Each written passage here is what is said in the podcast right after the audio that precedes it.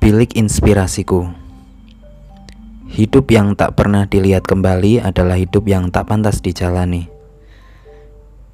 Demikian kurang lebih kata-kata dari Sokrates Petua filsuf Yunani kuno ini sering kali terngiang di telinga batinku Terutama ketika duduk jongkok di kamar mandi.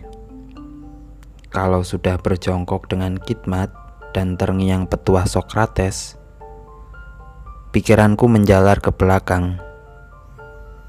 Terlintas lagi bayang-bayang masa lalu. Barangkali kamu pikir benar-benar masa lalu yang kamu pahami sebagai peristiwa yang telah lama terjadi. Terkadang memang demikian, tapi yang kumaksud bukan hanya itu. Bahkan yang beberapa menit lalu juga termasuk. Namun acap kali titik tolakku bukan dari petua ribuan tahun tersebut. Pikiranku otomatis menjalar ke belakang bila ada yang mengganjal. Ada yang belum beres dari momen yang telah lewat. Mungkin kamu bertanya-tanya dengan apa yang kumaksud. Hmm, coba aku perjelas lagi deh. Aku yakin kamu pernah mengalami merasa ada yang belum beres dengan kejadian yang telah kamu lalui. Entah itu ada salah paham dalam relasimu atau pekerjaanmu yang belum 100% rampung. Sementara waktu sudah tak cukup untuk meneruskannya sampai selesai. Ya, kamu pasti punyalah contoh nyatamu sendiri. Dari kejadian-kejadian yang belum beres itu, biasanya aku merasa khawatir. Kalau merasa malu dibilang takut. Khawatir kalau aku mendapat penilaian buruk kaitannya dengan pekerjaan yang belum tuntas. Atau takut bila pertemanan menjadi renggang sebab merasa masih ada kesalahpahaman oleh sebab khawatir dan takut itu, aku kemudian merasa bingung harus bersikap seperti apa. Kemudian, inginku ya bisa selesai, beres. Tapi yang ada di depan tidak mendukung. Saat-saat itulah aku merasa hidupku ada yang mengganjal. Orang zaman ini sering menyebutnya galau. Hmm, nggak tahu ya, masih dipakai apa enggak? Beberapa tahun lalu lah galau. Bagaimana penjelasanku? Semoga tak membuatmu tambah bingung ya. Nah, demikian perasaan tersebut sering membuatku terjebak. Alhasil, aku juga terjebak dalam kamar mandi, bermenit-menit di diam dalam satu posisi. Itulah kenapa kawan-kawan kosku dulu melabeliku sebagai teman yang mandinya paling lama. Bagaimana lagi? Aku sudah masuk ke alam lain. Aku jadi hilang kesadaran akan apa yang sedang kukerjakan. Pup, kemudian mandi. Setelahnya aku mesti menyadari lagi. Setelah ini apa ya yang harus aku kerjakan? Bila berkubang pada hal yang telah lalu memang buang-buang waktu. Lama-lama ini menjadi kebiasaan, namun sayangnya merupakan kebiasaan yang jelek. Yang menarik dari kebiasaan bertapa saat mandiku, kemudian adalah memikirkan kembali kebiasaan ini. Aku mereview kebiasaan jelekku ini. Bagaimana membuat kebiasaan yang sudah terlanjur mendapat cap negatif ini punya manfaat baik. Ya, kurang lebih begitulah permenunganku. Proses mencari ide ini membuatku tersadar bahwa ada yang kurang dari kebiasaan sama diku ini. Satu hal yang kurang adalah beride itu sendiri.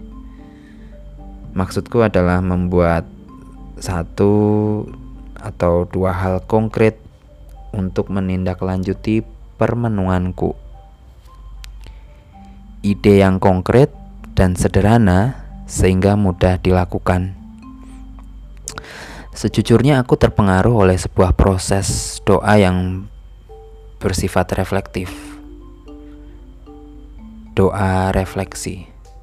Ya, berefleksi. Aku yakin kamu pernah mendengarnya. Jenis doa seperti ini membutuhkan keheningan batin. Dan bagiku suasana sekitar yang hening mendukung proses doanya. Yang menjadi masalah kemudian suasana sekitar yang hampir-hampir tak pernah mendukung. Cobalah sekarang kamu tengok, dalam 24 jam hidupmu, kapan kamu merasa hening dan tenang? Ayo, kapan? Tentu saja, kecuali saat tidur ya. Orang zaman ini, baik pelajar maupun yang bekerja, hidup dalam keterburu-buruan. Tugas dan pekerjaan selalu memburu kita untuk bertemu, sehingga bahkan saat tidur pun menjadi menggelisahkan.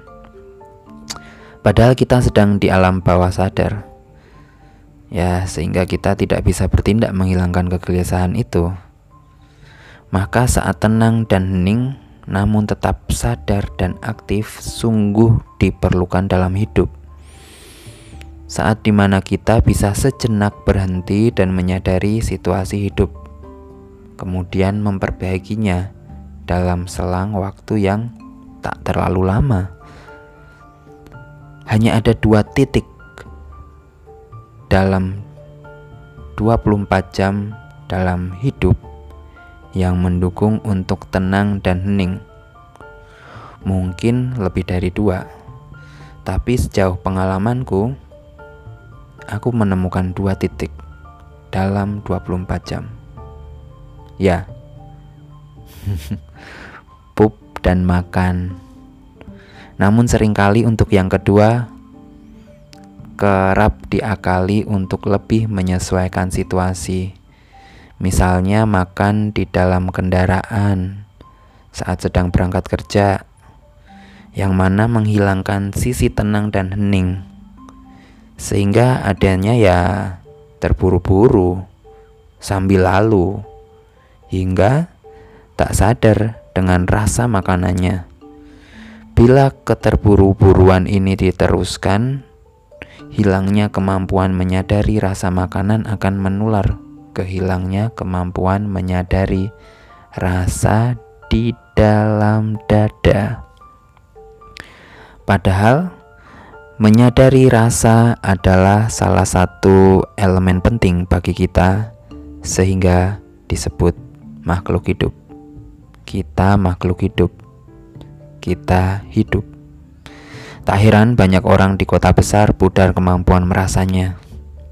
Nah, untuk yang satunya tentu saja bisa diatur waktunya, tapi tidak bisa diatur seperti makan ya. Tidak mungkin kan pup sambil berangkat kerja, naik mobil, motor atau diangkut. Selalu, selalu ada untuk duduk jongkok dan konsentrasi.